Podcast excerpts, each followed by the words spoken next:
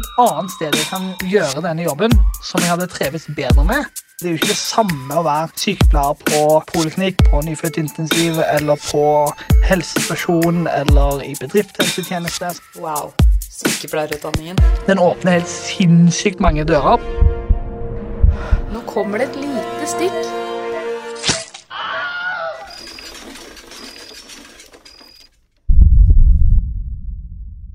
Velkommen til en ekstraepisode av Hjelp, jeg er sykepleier. I dag skal vi snakke om intet annet enn helsebrølet. Og for en gangs skyld så har jeg ikke forberedt meg en dritt på denne episoden, for her går det altså så i ett om dagen. Så da kan jeg bare si kjapt hva helsebrølet er, og det er en politisk uavhengig bevegelse. Og vi skal holde demonstrasjon tirsdag 28. februar klokka 15.30 utenfor Stortinget. Og dette er da en demonstrasjon mot regjeringens kutt, feilprioriteringer og underprioriteringer når det gjelder det offentlige helsevesenet, både kommunehelsetjenesten og spesialisthelsetjenesten, psykiatrien og somatikken, føde, barsel, ja, you name it, alle skal med.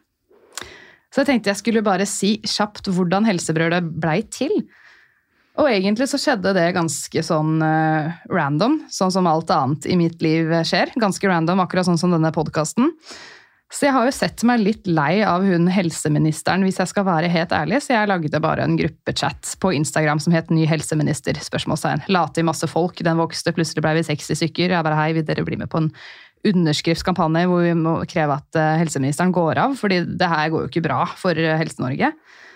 Mange var veldig enige, noen var litt skeptiske. Så var jeg på jobb en dag, ble tatt til siden av noen kolleger og bare 'Helene, nå må vi snakke. Vi er like forbanna som deg. Vi må gjøre noe. Nå går det til helvete med helsevesenet. I mangel på et bedre ord. Så ja, la oss gjøre noe. Så var de litt sånn Er det litt drøyt med underskriftskampanje mot én enkelt person? Det er jo systemet det er noe gærent med. Jeg bare, ja, Men systemet, det er jo flere folk. Det er jo hele regjeringa. Ja, vi skulle ikke bare hatt en demonstrasjon, sier en kollega. Jo, det syns jeg vi kan ha, og det kan hete Helsebrølet. Og dermed så var ballen i gang med å rulle. Og slapp av, dere skal ikke bare høre på meg skravle i denne episoden, for jeg har to flotte gjester her. To sykepleiere. Det er Tina, hei på deg. Hallo. Du har vært med før. Det har jeg. Da pratet vi om studenter den gangen. Mm. Mm. Hei, Åsne. Hallo. Første gangen i mitt studio. Ja, det er flott. Det er Har du vært med i pod før? Ja, jeg har faktisk jobbet på Radio Rakel, en kvinneradio, for Oh. en del år siden, da. Men det ja. Men ja, fortell litt om dere selv. Tina, du, du har jo vært der før, men du kan introdusere deg på nytt for de som ikke har hørt studentepisoden. Yes, eh, jeg heter jo da Tina Tuft. Jeg er 36 år og har nå vært sykepleier i ja, snart 11 år, blir det vel. Begynner å bli en stund. Eh, Jeg jobber jo på Aker sykehus, på urologisk avdeling. En eh, avdeling jeg er veldig stolt av. Eh, Det er en veldig bra avdeling med bra ledere som hele tiden jobber for oss og for at vi skal ha det bra. Veldig fin pasientgruppe og flotte kollegaer. Men vi har jo også merka kutt, og kutt i tilbud til pasienter og sengeplasser og bemanning, vi også. Eh, Så jeg var også da en av eh, de som eh, reagerte sterkt på jobb da. Samme tid som Helene og ble dratt til side, og nå må vi gjøre noe. Mm. Hei, Åsne. Hallo. Jeg heter Åsne. Jeg er òg sykepleier. Jeg blir 32 år snart. Og jeg har vært sykepleier i snart fire år. Jeg jobbet på transplantasjonskirurgen i, i tre år, og så nå jobber jeg på akuttmottaket på Ullevål. Eh, og jeg har blitt dratt inn i denne chatten av en jeg studerte med, for hun bare Åsne, du er forbanna, du sier ifra. Du må, bli, du må møte den gjengen her. Og det er jeg sykt glad for, å kunne møte dere som òg er engasjerte folk som eh, ikke finner seg i eh, at helsevesenet vårt skal liksom gå til grunnen pga. disse kuttene her. Um, og jeg er helt enig med Tina, som sier at hun er stolt av jobben sin. Det er jeg òg. Jeg eh, ja, elsker å jobbe på akuttmottaket. Um, men selvfølgelig er det jo vakter og, som er litt utholdelig, fordi vi er for få folk på jobb. Vi har altfor mye å gjøre. Mm. Og man føler at man ikke klarer å yte den helsehjelpen man skal, eh, og pasientene fortjener og skal få, eh, på grunn av ja, for få folk, da, blant annet. Så eh, jeg er veldig klar for å demonstrere. Oh yes. Så må jeg bare si en ting her. Det er at eh, Dere som hører på, dere skjønner jo nå at vi jobber i OUS, Oslo universitetssykehus, men vi representerer oss selv som enkeltpersoner. Ikke, vi representerer ikke arbeidsplassen i denne poden. Så vet dere det. Yes. Men ja, folk er forbanna, og jeg tenker litt sånn at nå er tiden for å være flink pike over. Det har vi prøvd. Vi har prøvd i altfor mange år å si fra på en hyggelig måte, komme med forslag. Vi har skrevet nok avviksmeldinger. Det er nok artikler ute i media nå, det har ikke hjulpet, så nå må vi faktisk demonstrere. Tina, hvorfor er helsebrølet viktig for deg? Du sa jo litt i stad. Ja, vet du hva? Jeg jeg hadde en vakt i går hvor jeg faktisk ble minnet ordentlig på hvorfor jeg ble sykepleier i utgangspunktet. For da hadde jeg en vakt hvor jeg kunne bruke tid på å prate med pasientene og være der for dem. Kunne kommunisere med dem, støtte dem og trygge dem. eh, Og virkelig føle at jeg gjorde en forskjell utover det praktiske. Eh, og det er en ting som jeg savner, for det er så sjelden vi får muligheten til å gjøre det på en så ordentlig måte. Og det er så viktig, og det er så viktig at pasientene får føle seg ivaretatt. Eh, og det er ikke lett i en hverdag hvor ting går på løpende bånd hele dagen. Man sliter med å rekke gjennom. Man rekker ikke gå på do engang. Det, det er liksom sånn det er innimellom. Eh, og ja, de må jo Altså, det er prosedyrer som skal gjøres, men det er den derre biten med å kunne ta vare på dem på, på den mentale biten også. For det er så viktigere for sentid etter en type operasjon eller infeksjon eller ja, sånn også. Så den, det er liksom litt sånn grunnsteinen i hvorfor dette her er så viktig for meg også. At vi rett og slett ikke rekker gjennom den biten med å ta vare på pasientene ordentlig. Um, Mm, det blir veldig sånn at vi gjør det vi må. Medisiner, kliniske prosedyrer, så le, Mm. løper vi videre. Eh, man får på en måte ikke tid til å se hele mennesket, som man snakker mye om. Den, mm. det mellommenneskelige snakke seg ned. Hvordan går det egentlig med deg? Eh, Hvordan er det for deg å være her? Eh, Den omsorgsbiten den bare forsvinner helt. Og nå høres det ut som at det her var liksom et unntak. sånn, Oi, i dag så fikk jeg faktisk tid til det. Det var ikke sånn at oi, i dag så fikk jeg ikke tid til det. Det burde jo vært omvendt. Helt Mm. klart. Så, men jeg har jo også vært borti pårørende som har vært på sykehus, og som ikke har blitt tatt vare på. Bestefaren min han døde jo etter mange feil på sykehus, og jeg husker jeg var og besøkte han. Eh, Han hadde ikke fått munnstell på en uke og lurte på om jeg kunne være så snill hjelpe ham med å pusse tenna. Altså, det er eh, litt sånn man kjenner på også som eh, en pårørende oppi det hele også. Så det er mye kutt som gir så store ringvirkninger for så mange mennesker. Eh, Så nei, denne helsebrølet som vi nå har starta, er så viktig for meg, og jeg får helt gåsehud. Jeg er så stolt og beæret av å være en del av det, for dette er viktig. Åh, Jeg er veldig glad for at jeg har deg med på laget, Tina. Mm. Takk for at jeg får være med. Of course. Blir helt rørt, jeg. Ja, det er lov å være. Vi er ikke bare sinna, vi er lei oss òg. vi er rørt til Det er alle følelser på en gang her. Mm. Det er det virkelig. Mm. Hvorfor er helsebrølet viktig for deg? Åsne?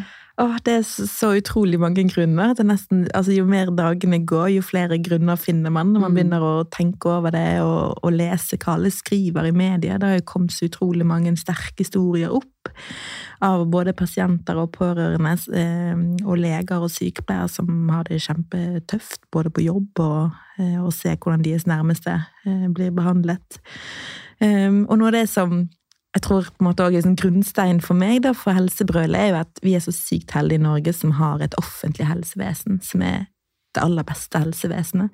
Det er så mange land i verden der det er sånn offentlig sykehus, det holder du deg unna.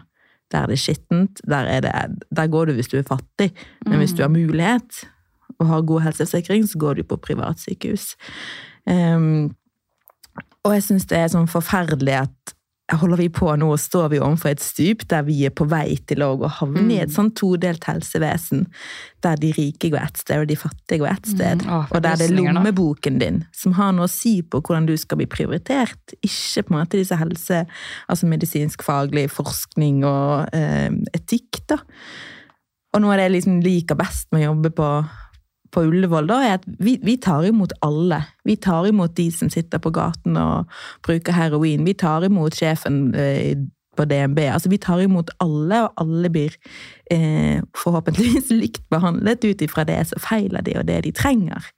Sant? Altså det viktigste er liksom, har du frie luftveier, puster du, er du sirkulatorisk stabil, um, er du våken, klar og orientert? Altså vi går ut ifra disse medisinskfaglige eh, beslutningsprosesser, da, og ikke ja, hvor mye penger har du? Skal du få den seten? Hvis, kan du betale for det sjøl? Så nå er jeg bare jeg er skikkelig redd. da. Jeg er ikke bare sint, jeg er skikkelig Mm. redd for at vi holder på å liksom ende opp dit. da. Og det har jeg ikke lyst til å bare stå på sidelinjen og se på. Jeg vil liksom virkelig kjempe for det helsevesenet vi har, da, som hjelper alle på, på lik linje. Wow, det er altså så mange grunner eh, til dette helsebrølet. Så er det jo ikke sånn at det er først nå helsevesenet At det er først nå det har begynt å slå sprekker. Det var heller ikke under korona, det var lenge før det. Eh, Man kan snakke om New Public Management, man kan snakke om helseforetaksmodellene. eh, Endringer i systemet og ja, alt, egentlig. Men jeg har jo ikke jobbet i helsevesenet mer enn eller det begynner å bli noen år. Første gangen jeg var ute i praksis, så var jeg vel 16 år. eh, og Nå er jeg snart 30, så det er halve livet mitt. Eh, Men eh, helseforetakene i New Public Management begynte jo lenge før jeg begynte å jobbe i helsevesenet. Så jeg har jo ikke, har ikke vært sykepleier i 30 år, så jeg har jo ikke sett den langsiktige forandringen. Men det har jo noen av disse menneskene som kommer og skal holde appell på helsebrølet. For det er også en ting, Hva er det som skal skje på demonstrasjonen? Jeg så det var noen som skrev i Facebook-kommentarfeltet men hva er egentlig dette? Skal dere bare stå og brøle? ja, det hadde vært gøy det med bare bråk, men det er faktisk eh, flotte appellanter som kommer òg. Både unge og eldre, kvinner og menn, pasienter og helsepersonell, offentlige personer og vanlige folk. Det blir mange gode taler, så sånn sett så bør man også møte opp på helsebrølet. Ikke bare for å brøle, men se disse flotte menneskene, høre hva de har å si. Mest sannsynlig blir det trommekorps, det blir skikkelig opplegg, så jeg håper jo at folk har muligheten til å komme. Mm. Og om man bor i en annen by, ta deg turen til Oslo. Eh, jobber du dagvakt, spør om du kan gå en halvtime før. Kanskje bytt vakten, prøv å legge til rette for det, fordi jeg tror det her blir kjempestort, og det kan hende det blir ganske mange år til neste gang det blir en så stor demonstrasjon. Ja, Eller det kan hende det eksploderer og sprer seg til hele Norge. Det håper vi jo på. Det håper vi. Det er jo et stort event vi har laget nå. Det er jo allerede over 2000 mennesker som er interessert. 400 som står på at de skal. Ehm, Så vi håper jo på at enda flere dukker opp. At de som står som interessert, kanskje bare står der foreløpig fordi de er usikre på om de får gå fra jobb. Ja, La oss skrive noe det. etterpå på arrangementet at det er fint om de som har tenkt å komme, setter seg på skall. Yes. ja, nei da, det blir stort det her. Det blir det. Ehm, Jeg er jo, eh, som jeg nevnte så vidt i stad, eller som jeg pratet om i hvert fall forrige gang, at jeg er studentansvarlig. Eh, Så jeg eh, brenner jo litt for studentene våre òg, da. De er jo fremtiden vår. Jeg pratet med en student på jobb i går som var og tok noen ekstravakter hos oss, bare for at jeg får nevnt det, for det er litt viktig. Og hun fortalte jo det at eh, hun hadde jo hørt oss om, på, om oss på Instagram, blant annet. Eh, Men hun hadde prata med flere av eh, de som hun går på studie med, og de er ganske sikre på at eh, 80-90% av alle de som studerer sykepleie nå, har vurdert å slutte mer enn én gang i løpet av studiet. Og det er mye på grunn av alle de forferdelige historiene de hører i media, men også på grunn av eh, selvopplevde eh, hendelser i praksis og sånn, hvor de ser hvor travelt det faktisk er. Og dette da er folk som brenner for yrket, som faktisk ikke vil annet enn å være sykepleiere, fordi de vil hjelpe. Eh, og de vil fortsette, men de er faktisk usikre på om eh, det er en jobb som de kan ha lenge. Vi vet jo det at eh, de sier jo det sånn i snitt så er det ti år sykepleiere holder ut i Mm. yrket, før de eventuelt går over til et annet yrke, bytter kanskje helt til noe annet fordi de er utbrente. Og ti år er lite av en yrkeskarriere. Mm. Det er liksom sånn. Nyutdanna sykepleier skal man få på seg datostempling med 'best før', og så er det liksom eh, eh, 2033. Best før 2033, det funker ikke etter det. Det er ikke sånn vi skal ha det. Dette skal jo være et yrke som man kan eh, ikke holde ut i, men kose seg med. Altså, Mm. Nå sier jeg ikke at det er en kosejobb, men et yrke man skal eh, være glad i hele livet, altså fram til Mm. pensjonsalder. Det skal være et yrke man eh, skal brenne for og være engasjert i. Det skal ikke være liksom sykepleie, Ordet sykepleie skal ikke være synonymt med ordet utbrenthet. Nettopp. Og det er nesten litt sånn det har blitt nå. Mm. Mm. Og så er det jo det mange spør, ja, men dette visste du vel før du valgte å bli sykepleier? Åh, og det er en kommentar jeg blir faktisk forbanna av å Ja. høre. Fordi, for det første, det, altså, man vet jo en del om yrket før man blir, eh, begynner i det. Man vet jo ikke alt. Man har den grunnleggende lysten til å hjelpe andre mennesker, som er grunnen til at man velger det i utgangspunktet. Eh, ja, man vet at lønna ikke er så bra, kanskje, men jeg visste ikke at lønnstrinnet stoppa på ti år når jeg studerte. Eh, jeg visste ikke at man hadde vakter hvor man ikke rakk å gå på do. Eh, jeg visste ikke at man hadde vakter hvor man ikke rakk å det man ønsket å gjøre for herr Hansen eller Fru Nilsen. Fru Nilsen. eh, altså man vet jo ikke sånn konkret, man vet bare det at man har lyst til å jobbe med dette, for man har lyst til å gjøre en forskjell, man har lyst til Mm. å bidra på en måte. Um, og da syns jeg det er en så dårlig gjort å komme med en sånn kommentar at ja, men du visste jo dette eh, før du ble sykepleier. Er det virkelig sånn at det er forventet at sykepleiere ikke skal kunne gå på do, ikke kunne ta lunsjpauser, at det er sånn livet skal være? Jeg er sikker på at de oppe i regjeringen, dem tar seg tid til å gå på do og ta lunsjer og middager og det som er. Men det er nesten forventa at vi ikke skal gjøre det, fordi vi er sykepleiere. Og det er skjer jo at eh, sykepleiere menstruerer gjennom uniformene, mm. ofte på enkelte avdelinger, har jeg fått høre. Yes. Har Er det det sånn selv. man vil ha? Ikke sant? Ja. Mhm. Åsne, hva tenker du når folk sier sånn Ja, men herregud, dere har jo valgt dette yrket her sjæl. Ja, man blir jo dødsforbanna. Mm. Og det med lønn òg, at folk sier sånn ja, du visste, ja, du visste jo at du ikke tjente. Og så, ok, men mener du at vi ikke fortjener mer? Mener du at, at det er sånn det skal være? Er det, er det, hvem er det du vil skal passe på? Liksom din, ja, dine besteforeldre? Hvis, din, eh, hvis dine barn kommer i en alvorlig ulykke og må komme på nasjonalt traumemottak på Ullevål sykehus, hvem er det du vil skal passe på ungen din? Hvem er det du vil? Vil du at de skal spise lunsj før de står der og opererer, liksom? Altså, vi, vi passer på alle. Vi er liksom virkelig ryggraden til eh, Ja. I hele landet vårt. Mm.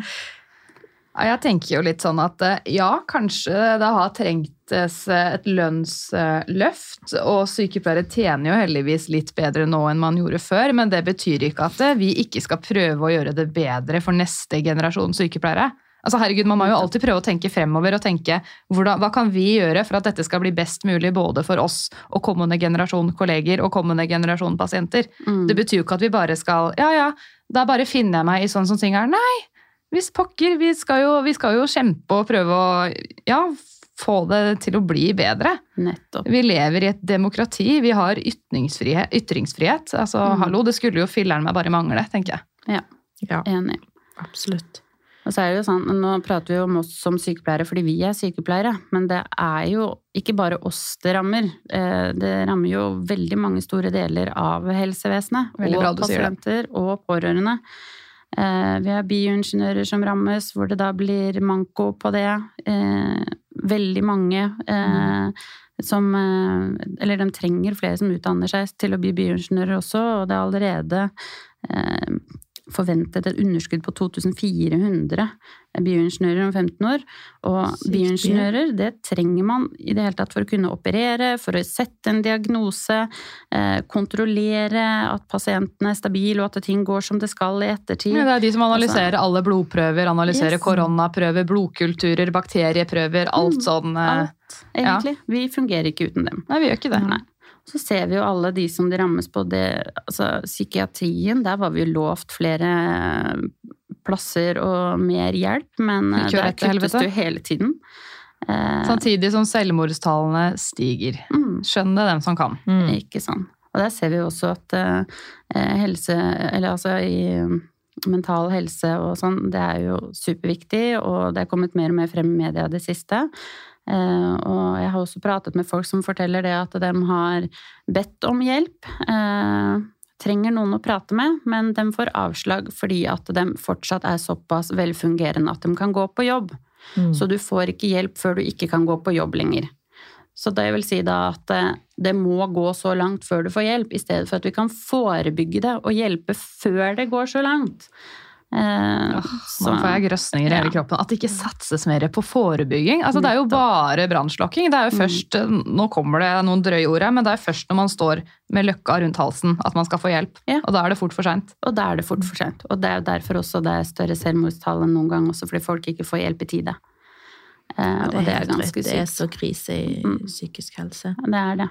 Og hvis du skal få, ja, du skal få psykolog, da, sant, det det, du, må ha, du må være så utrolig syk for å få bli innlagt. Men òg for å få en avtalespesialist, en psykolog, som har liksom litt dekning fra staten, da. Og det kan ta ett og et halvt år før du får plass der. De ventelistene til avtalespesialist er lange. kjempelangt. Hva skal du gjøre da?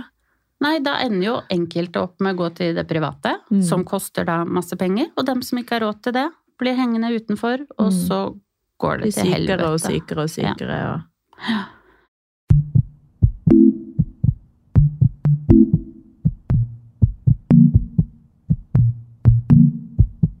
Nok en grunn til helsebrølet. Eh, Mm. Vi skal brøle for psykisk helse. Og vi skal selvfølgelig også brøle for svangerskaps-, fødsel- og barselomsorgen. Mm. De har jo hatt en del demonstrasjoner fra før, men det betyr ikke at ikke vi også skal tale deres sak. Altså, Erna Solberg sa jo 'Norge trenger flere barn'. Ikke meninga av disse bergensdialektene. Vi er fra forskjellige steder i Bergen, så det går bra. Ikke sant? Men hvor skal vi føde disse barna, da, hvis de legger ned alt som er av fødeavdelinger? Mm. Altså, sånn Skal vi føde utenfor Stortinget, da? Det er nesten så jeg vil oppfordre noen Det til er nesten jeg skal gjøre det hvis jeg blir gravid. Hvem- Hvem er her for meg? Ikke sant?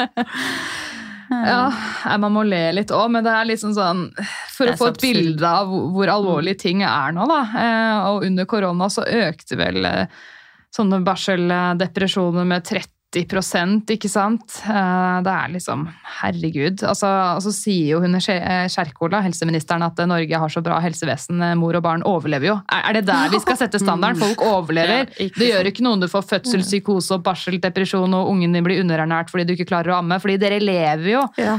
Vet du hva. Da er vi et lite produkt til slutt, liksom. Det er sånn, ja, I verdens rikeste land. Ja, du overlever. Ja, Det er det- det- ikke det- sant? Mm. Det sier jo litt om at her ser de jo bare på tall. De Mm. ser på mennesket som et tall på et Excel-ark, ikke på en måte åssen folk har det, om de er fornøyd med pleien og omsorgen. Altså, kapital framfor menneskeliv, det virker jo sånn det er sånn det har blitt. Ja, og helsevesenet altså, Det irriterer meg at de ser på det som et tapsprosjekt. For man Mm. skal ikke profitere av helsevesenet. Helsevesenet er for folket, for å hjelpe. Og et bra helsevesen gagner alle. Da skal ikke regjeringen, regjeringen sitte der og telle penger og tenke at eh, ja, nei, men eh, vi må spare inn penger her, så vi kutter i øst og vest og syd og nord og hele pakka. Altså, det er helt håpløst. Det, jeg syns de skal slutte å se på oss som et tapsprosjekt, eller helsevesenet som et tapsprosjekt. Helsekøer blir jo bare lengre og lengre. Du ser, det er gjennomsnittlig syv år ventetid før du får diagnosen endometriose. Fra du først ble henvist. Det er syv år. Det er syv år med smertehelvete for veldig mange. Og fryktelige eh, skjebner hvor folk ikke Altså, de drømmer om å få barn, men ikke kan få barn fordi de eh, har en underliggende diagnose, diagnose som de ikke får eh, diagnostisert før det har tatt i gjennomsnittlig syv år. Da. Det er jo helt Jeg har ikke ord, faktisk. Jeg har ikke ord. Det er, det er for drøyt Mm. at det er sånn, eh, rett og slett. Men så syns jeg bare det er viktig å få frem at det, det er ikke sånn vi tror nå at nå har alt gått til helvete og det er ikke noe å fikse. Fordi jeg har faktisk virkelig troa på at vi kan få, få det bra igjen. Vi kan bygge dette opp hvis det gjøres riktige prioriteringer. Mm. Hvis de som sitter på Stortinget faktisk hører på oss som jobber ute på gulvet sammen med pasienter, fremfor å bruke jeg vet ikke hvor mange kroner på å sette opp x antall ekspertutvalg som skal utrede og så fortelle oss hvordan vi skal gjøre jobbene våre. Så nå er det på tide å høre på vi som faktisk jobber i Mm. helse og omsorg direkte med pasienter, og ikke jeg vet ikke hvem de folka er, men de jobber ikke med pasienter, i hvert fall. Nei, det skulle vært et eh, krav om at dem som jobber uh, som helseminister og helsekommisjon og sånn, at dem skulle ha enten vært på gulvet som uh, helsearbeidere selv, eller at de i hvert fall skulle jobbet så og så lenge ute for å se hvordan det faktisk er, før de kan ta avgjørelser basert på annet enn tall. For det er det de gjør. Mm. Alt er basert på tall. De ser ikke hvordan ting faktisk er på gulvet. Jeg har et veldig godt eksempel på det. Der jeg jobbet før, på transportasjonskirurgen, så fikk sjefen min en telefon da fra en byråkrat i på sykehuset eller noe sånt, så med innsparinger da. Og han ringte bare, ja, dere bruker altfor mye penger på SAG. Og hun bare, hva mener du, SAG? Han bare, ja, det, herregud, det er jo liksom titusenvis av kroner, det må dere bare kutte fort ned på. med. Det må dere bare slutte med. Og så tok det litt tid før jeg skjønte, å å ja, SAG, ja. Ja. Ok! Altså, SAG det er altså blodprodukter. Det er rett og slett blod. Altså når du Blodtransfusjoner. Ja, folk får for å ikke blø i hjel. Folk får altfor mye blod for å ikke Så det må vi bare dø. kutte ut, da. Ja, så det må, det må dere bare kutte ut. Hildan, Og altså. jeg bare synes Det er så godt eksempel på de som da skal drive med den nedskjæringen. Ja, de komme med anbefalinger som eksperter vet ikke hva de snakker om. Altså For det første, folk donerer blod gratis til sykehusene. Det er også sånn ja, vi er sykt heldige som har det. Og det sånn, Blodbanken, altså, Vi gir ikke bare blod fordi vi har lyst. Det er jo liksom ikke bra å bare få andres blod altså, hvis ikke du må. Det, nei, det, det var så vilt. Og man skal ha ganske lav eh, hemoglobinverdi før man faktisk får blodtransfusjon. Det er ikke sånn at man bare gir det til alle som har litt lav HB. Nei, nei, da er det gjerne liksom ned på seks-syv dager Ja. for de som Så da må vi kutte i det, da. Altså, slutt Ja, å gi folk blod. Slutt, slutt, med, slutt med det! Åh, jeg blir så sur. Skal vi bare ta et lite brøl sånn midt i, Ja, jeg tror vi er. En, to, tre. Åh, Er det ikke litt godt, dere? Er det. Det trengs innimellom, altså. Frustrasjon. Så ikke vi skremmer vekk alle andre her i studio. Jeg håper de har gått hjem for dagen. Men dere, eh, sånn fra spøk til alvor. eh, Det er jo noen som liksom bare ja, Skal dere bare klage og syte og brøle? Skal dere ikke komme med noe konstruktivt? Jo, selvfølgelig skal vi det. Vi tenker jo også etter at vi har hatt demonstrasjonen, så skal vi skrive et eller annet, ja, kall det et manifest, med ting vi faktisk krever. Manifest høres Ja. Stort, og er litt gæren. Ja, no. ja. ja, eh, manifest, eh, whatever you wanna call it, med, med hva vi faktisk krever. Og da vil vi snakke med andre organisasjoner og prøve å bli enige om noen krav. Og hva det skal være, det vet vi ikke helt ennå, men det kan f.eks. være at vi krever en, en bemanningsnorm. Ja. Et minimumkrav av hvor mange folk som må være på jobb til enhver tid. Og selvfølgelig så kan hvert enkelt sykehjem og sykehus eh, da legge føringer for at her trenger vi faktisk enda flere på jobb, men det må nesten være en minimum. Altså sånn Ullern helsehus, da. Perfekt eksempel på for lav bemanning. Mm. Ja, ja, det er mye å ta tak i, i hvert fall i eldreomsorgen, som vi har sett på TV nå. Ja, Mm. Brennpunkt, omsorg bak lukkede dører. Altså, det er Jeg begynte å gråte. Ja. Forferdelig. Og så er det liksom likevel Så det er så grusomt, det er så forferdelig å se på, men det er så bra at det har kommet på TV, for det er sånn Jeg syns det er forferdelig, men jeg er ikke overrasket. Nei, nei, jeg har sett verre ting også, enn det som var ja, der, det for er å det være sant, helt når man jobber i helsevesenet, man har jobbet, jeg har vært eh, student eh, både her og der og hatt masse forskjellige jobber, så har du jo sett liksom òg Mm. hvor ille det kan gå, da. Virkelig. Ja, nei, bra episode. Jeg er glad den kom ut. Eh, Mm. Og til rett tid, liksom. Og til rett tid. For den, denne Brennpunkt har jo fått veldig mye kritikk for at det er brukt skjult kamera mot helsepersonell, og det skjønner jeg. Eh, Det må jo være helt sinnssykt ubehagelig å få vite at du har blitt filma i skjul i tre uker. Men samtidig, det er den eneste måten å vise fram hva som faktisk skjer bak lukkede dører. Ja, på Mm. en ekte, ordentlig og ikke scenesatt måte, ja. Mm. Mm. Jeg skjønner ikke åssen ellers man skulle eh, fått det frem. Og nå håper jeg ikke at alle begynner å sette opp skjult kamera overalt. Det er ikke sånn vi skal ha det, men én gang er kanskje nok. Mm. Jeg håper det er nok. Jeg håper ikke det blir sånn at det nå, nå blir det normalen. Nei, det får vi ikke Nei. håpe. Men jeg Nei. husker faktisk da jeg var lærling som helsefagarbeider, så sa hun ene veileder til meg at det er jobb som om alltid det skulle vært skjult kamera til stede. Så er det ingen som kan ta deg på nå. Så jeg har liksom tenkt på det hele tiden. Jo, men det er jo litt sånn man kanskje bør tenke, da. Men det, igjen, da. Det, altså, man skal jo ikke ha noe å skjule når man er på jobb. Det er jo ikke sånn at man skal drive og klype pasienter eller si stygge ting. Eller, man skal jo jobbe som om det ikke er stress at noen ser deg. ja, og som om du faktisk virkelig bryr deg, da. Altså, Ja. Du gjør jo det forhåpentligvis hvis du har valgt det yrket i utgangspunktet. Mm. Mm. I hvert fall så føler jeg da vi gjør det. Ja. Eh, Men igjen, da. Det, det er jo ikke alltid tid strekker til, så bemanning strekker til og Nei, jeg føler det er det som liksom er problemet i hvert fall i noen av de episodene. Bare Mm. lukke dører når du ser liksom helsepersonell kommer inn. Det er spesielt den ene pasienten da, og bare er, er veldig rask og ikke tilbyr mat, eller tilbyr mat, men ikke setter det frem. Så handler jo gjerne det om at de har det kjempetravelt. sant? Bare, men Mm. hvorfor kommer de for seint? Så er det sånn, ok, på- Hvis du jobber hjemmesykepleien, det har bare, jeg var der som ekstravakt før jeg ble ferdig sykepleier, så skal du jo være hjemme hos eh, ja, fem-seks stykker klokken ni. For alle skal jo ha morgenmedisiner, så Mm. hvordan, du kan ikke være fem steder klokken 9.00. På en gang, nei. Det går Nei, ikke. og så er det litt vanskelig å klare å ringe alle og gi beskjed òg. Så det er jo på en måte, du står jo i en veldig låst situasjon, da. Over Mm. alle du skal rekke å tilby den hjelpen, og det, det går utover folk. Mm. Og da må man jo nesten distansere seg litt følelsesmessig. eh, For ellers så knekker man jo sammen og begynner å gråte på jobb. Da må man, og da, Det er derfor man virker litt sånn kald noen ganger, men det er på en måte Man har så mye man skal rekke at hvis man ikke klarer å distansere følelsene litt, så, så går det jo i hvert fall ikke å være på jobb. Det er mange triste skjebner og forferdelige diagnoser og Mm. Det er det. Og En annen ting jeg la merke til på Brennpunkt, det er disse eldre som ikke får lov til å komme på sykehjem sammen. Oh, Og det synes jeg var så hjerteskjærende. Han Mm. ene, han ville, det eneste han ville var å være på sykehjem sammen med kona si. Så fikk hun jo lov til slutt, da, etter masse vedtak og klaging og årevis, men da hun var jo dement, og da fikk ikke han lov til å være siden han ikke var dement. Så var han på to forskjellige avdelinger og fikk sett på hverandre en gang i uka. Det var, det, det var altså hjerteskjærende, tror du? Det er også noe man kunne skrevet på den lista med krav som vi skal sende inn etter hvert. At det må være mer eh, autonomi når det gjelder eldreomsorgen. At det ikke bare skal være at du får kun plass der fordi du bor på det området, eller du kan ikke være sammen med kona di for du har ikke den samme diagnosen. Altså. Mm. Hvor byråkratisk skal det være? Så er det jo håpløst det i det hele tatt å få nok hjelp i hjemmet når du bor hjemme, fordi det forventes at din pårørende, din kone, skal ta vare på deg. Jeg hadde jo faktisk en eh, pårørende innom i, i går. Eh, pasienten var ikke der selv, men hun var innom, for hun skulle hente noe.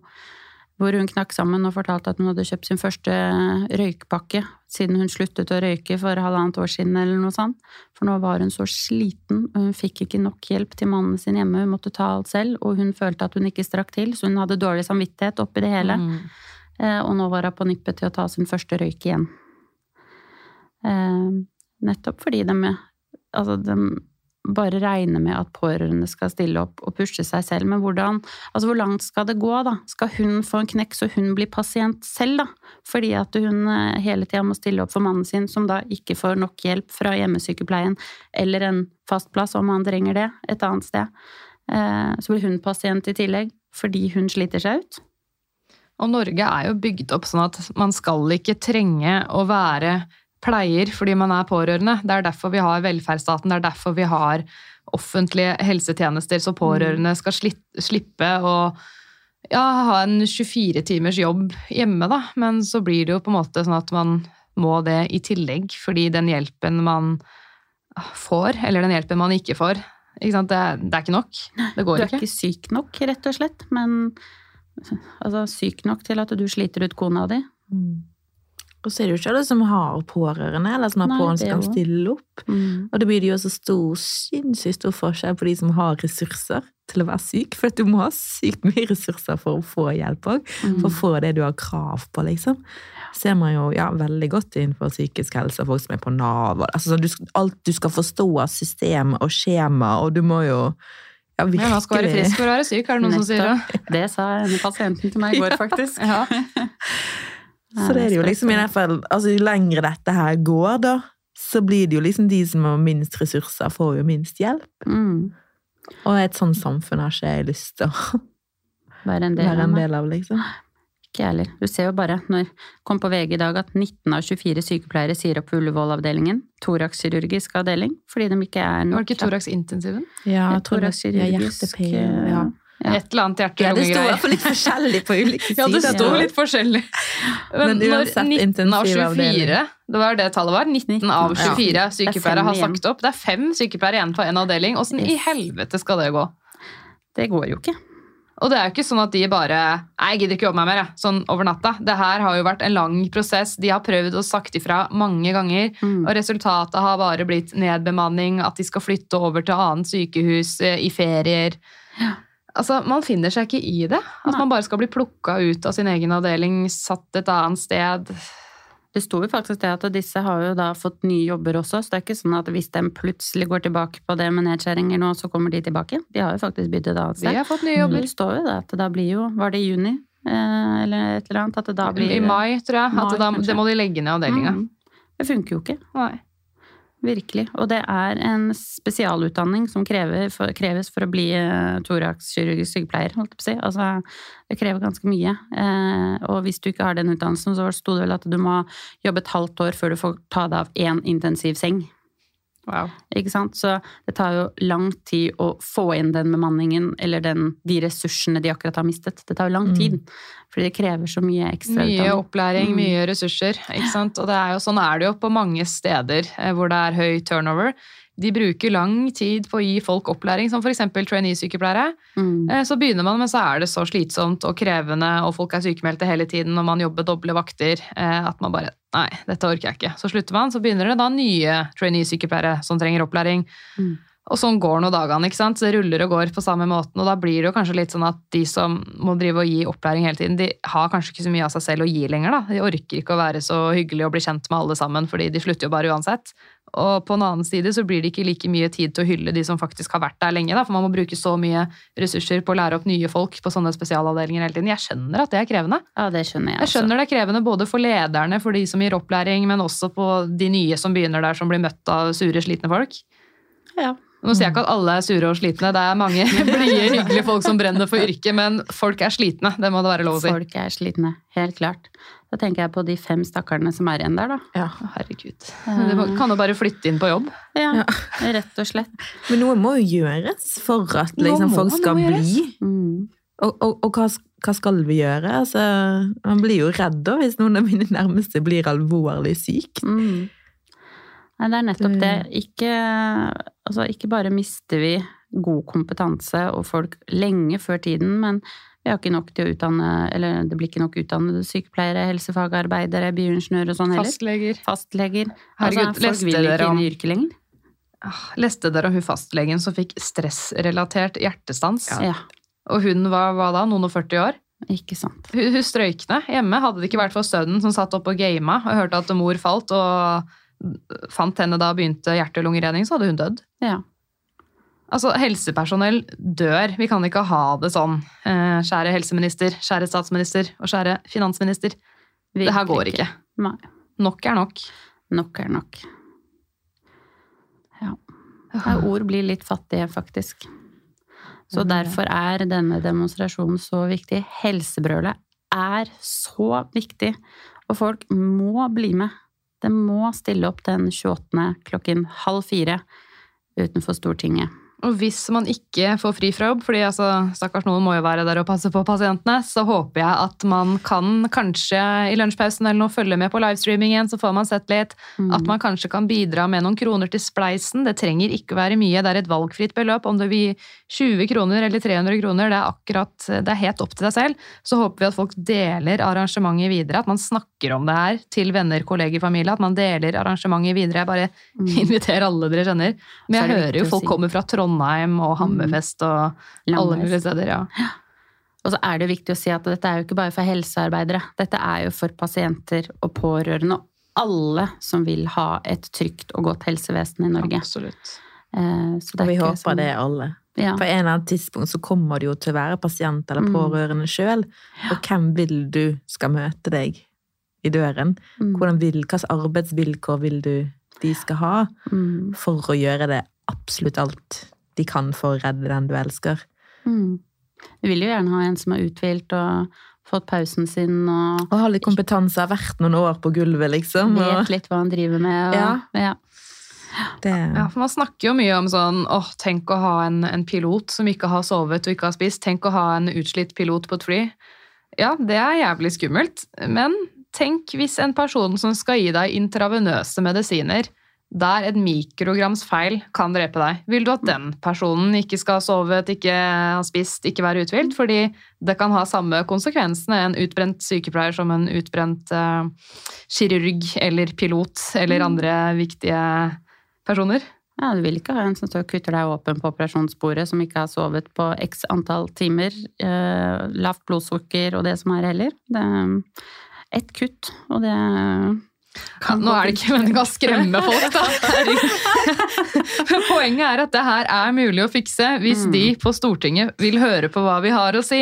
Så er det fullt mulig å fikse det her, at vi faktisk skal ha verdens beste helsevesen i Norge. For det skulle filler'n meg bare mangle når vi er verdens rikeste land. Ja, og vi var på vei dit.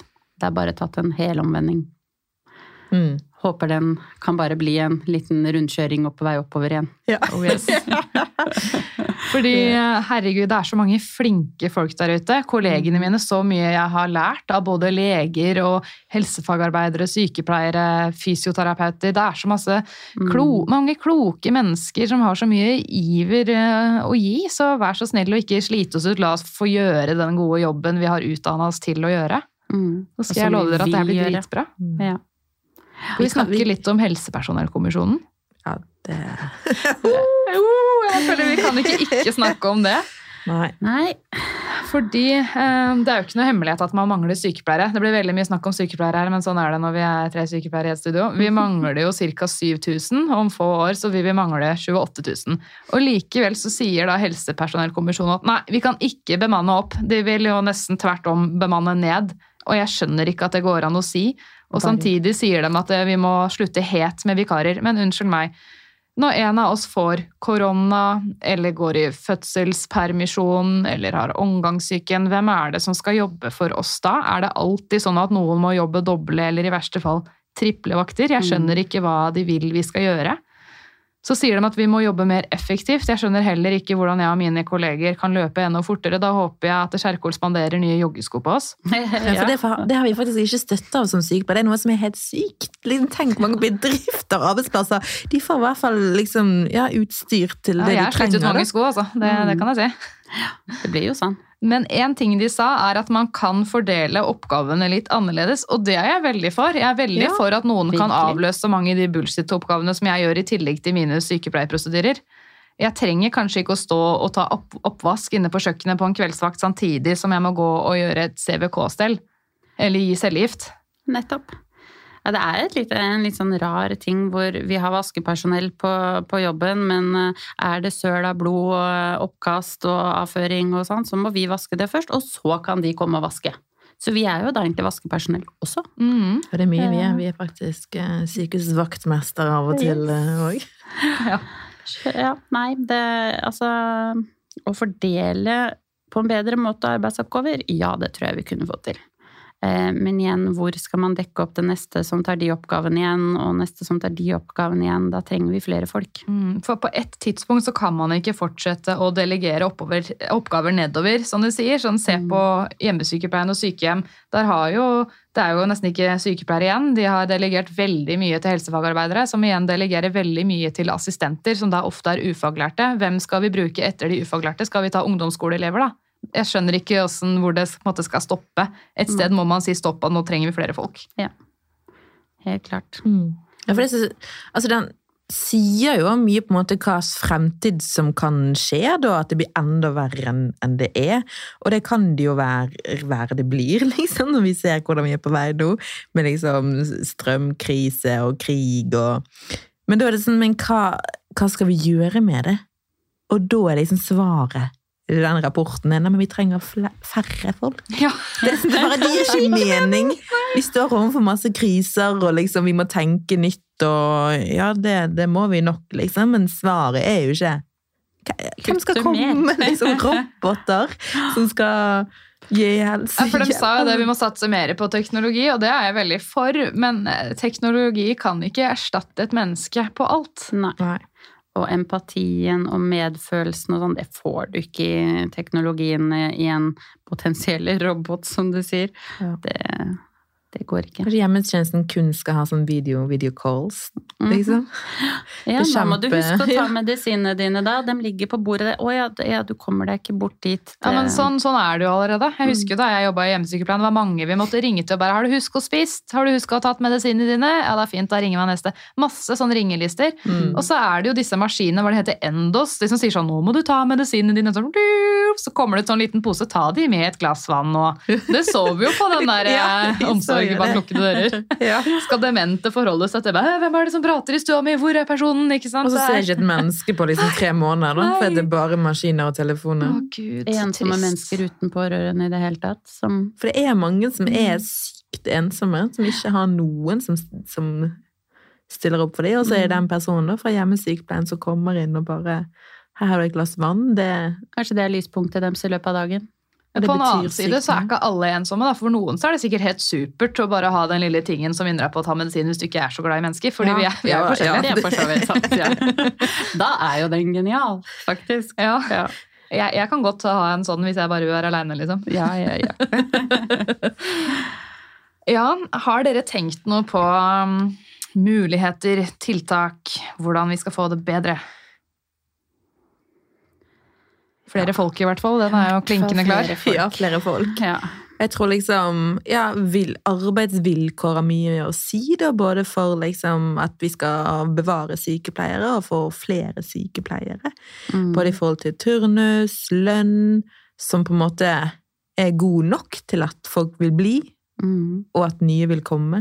Ja, turnus har mye å si, som du sier også. Sånn som de som sluttet nå på Ullevål. Det var jo mye også fordi at de da ble pålagt flere helger, blant annet. Mhm.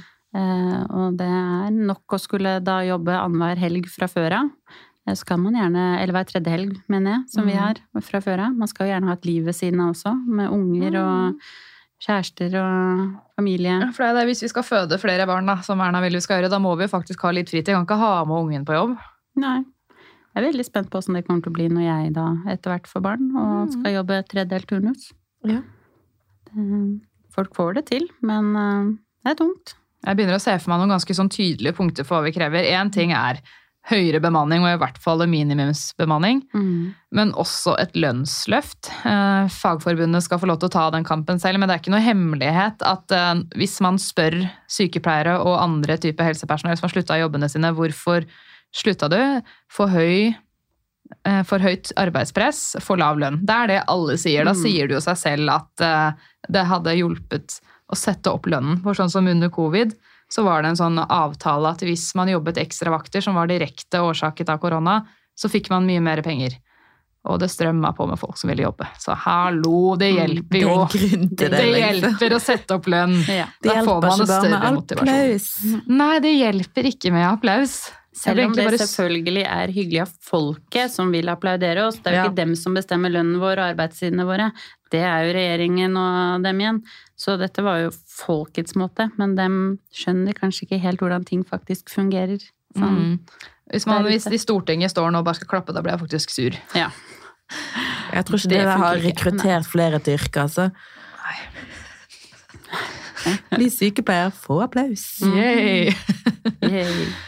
Men jo også selvfølgelig um, satse på kvalitet i arbeidet. Altså satse på mer opplæring og kompetanse, for det kommer pasientene til gode. At det er på en måte krav om kompetanse, at man får skikkelig opplæring uansett om du jobber i kommunen eller spesialisthelsetjenesten.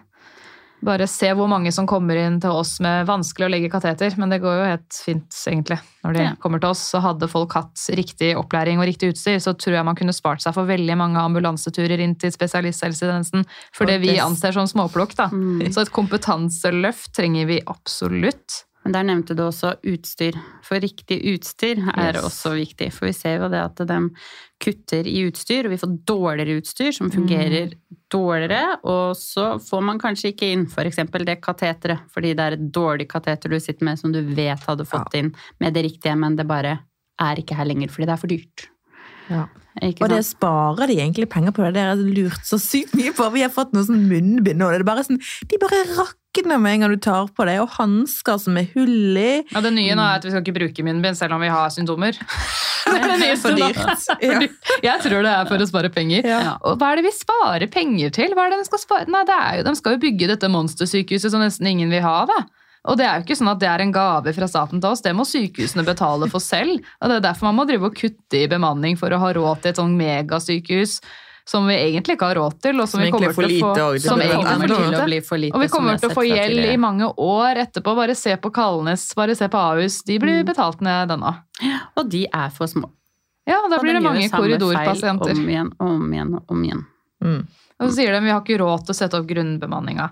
Men hva skjer da når det er liten bemanning? Folk blir utbrente, man blir sykemeldt, og så må man da betale sykepenger, og så må man da lønne ekstravakter som kommer for å dekke opp. Så det blir jo mye dyrere egentlig med å ha lav bemanning, fordi folk sliter seg ut og blir Mm. sykemeldte. Så er det den planleggingsprosessen, da. Hvor lang tid planlegger de ikke, eller har de ikke brukt på å planlegge disse sykehusene? Aker ble jo lagt ned var i 2007 eller 2008 eller noe sånt. 2000 og steinalderen, lenge, Ja. lenge siden. Kjempelenge siden. Eh, og tok litt og litt, og det var jo bestemt at vi skulle flytte, og vi er nå der ennå. Så skal det bygges opp igjen, Og da. så skal det bygges opp igjen. Og noen år har de ikke brukt på å planlegge dette her. Hvert år var det nye møter med ja, hvor skal vi plassere urologen? Eh, brukt masse tid, energi og penger på å planlegge dette. Masse folk slutta fordi de hadde jo ikke lyst til å eh, jobbe på Ullevål, for det ble lengre lang, eh, arbeids, reisevei, mener jeg. Eh, så altså, bare tiden de bruker på det her altså, I Kina klarte de å bygge et sykehus på en dag eller noe sånt. Eh, Ti dager. ja. Men eh, det må ha gått på helsa løs til de som Det altså, det er. Vi skal ikke akkurat sammenligne oss Nei. med Kina. Vil man ha et sykehus på to? Det er jo veldig to motsetninger, men det er bare det at den prioriterer så feil innimellom. Og det når du bygger hva er det, eh, sykkelskur til flere millioner som du brukte lang tid, masse penger på, som fortsatt ikke er åpent engang. Altså, Eller er Follobanen som ikke funker. Ja, ikke sant. Det er så mye feilprioriteringer, som vi også nevner. At det er feilprioritering med penger, feilprioritering med hva de velger å gjøre med pengene. Mm. På en måte. Ja. Nå er det veldig mye Oslo-snakk her. Vi kunne selvfølgelig snakka om fødeavdelingen i Kristiansund. Vi kunne snakka om alt som har skjedd på Flekkefjord sykehus. Vi kunne snakket mye mer om distriktene. Men da sier jeg bare dere som hører på, som vil snakke om ting ute i distriktene, bare ta kontakt med meg, så kan dere komme hit eh, og podde med meg i studio om Mm. det. Eller vi kan ta det online. Så ser jeg nå at nå stenger studio om fire minutter. Er det noe dere vil skyte inn helt på tampen her? Det er egentlig bare å møte opp på demonstrasjonen, for dette her er Mm. kjempeviktig, og vi rett og slett vi må redde helsevesenet vårt. Mm. Og det gjelder òg ikke bare i Oslo, det gjelder over hele landet, alle byer og bygder. Så jeg syns dette her er fett å høre på. Er du forbanna sånn som oss, så organiser din egen demonstrasjon der du bor. Mm. Og så er det viktig å si at eh, dette er like mye for ikke sant, pasienter som det er for helsepersonell. Eh, og det kommer også appellanter for å tale sårbare pasientgrupper som sin sak. De som ikke blir hørt så mye, sånn som transpersoner f.eks. Mm. Vi er veldig Vi vil redde alle, vi. Ja. Ja. Og et helsevesen som bryr seg om alle. Mm. Både rusavhengige, eh, psykisk syke, transpersoner. Mm. Alle, alle, Alle skal skal med. ja. Så møt opp. Det er viktig. Skal vi ta et siste brøl? Yes. En, to, tre. Takk for at du hørte på Hjelp, jeg er sykepleier. Hvis du likte episoden, blir jeg veldig glad hvis du vil dele den videre på relevante plattformer. Jeg blir også veldig glad hvis du vil anbefale den videre til venner, kolleger, medstudenter eller andre folk du tror kan få glede av denne podkasten. Hvis du vil få varsling neste gang det slippes en ny episode av Hjelp, jeg er sykepleier, så er det bare å trykke på abonner-knappen her hvor du hører på podkast. Hvis du vil komme med ønsker for podden, eller gi meg tips eller tilbakemeldinger, eller bare følge meg og mitt podkasteventyr, så er du hjertelig velkommen til å følge Hjelp jeg er sykepleier på Instagram. Hjelp jeg er sykepleier er også på Facebook, men det er på Instagram det er desidert mest aktivitet. Der har du også mulighet til å stille spørsmål til Q&A til fremtidige gjester av podden. Du kan også sende meg en mail, og mailadressen til Hjelp jeg er sykepleier står beskrevet i hver episodebeskrivelse.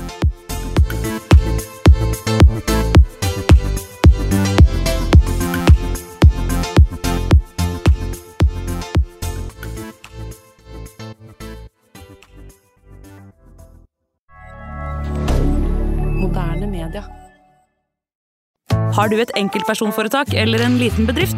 Da er du sikkert lei av å høre meg snakke om hvor enkelt det er med kvitteringer og bilag i fiken, så vi eh, gir oss her, vi. Fordi vi liker enkelt. Fiken superenkelt regnskap.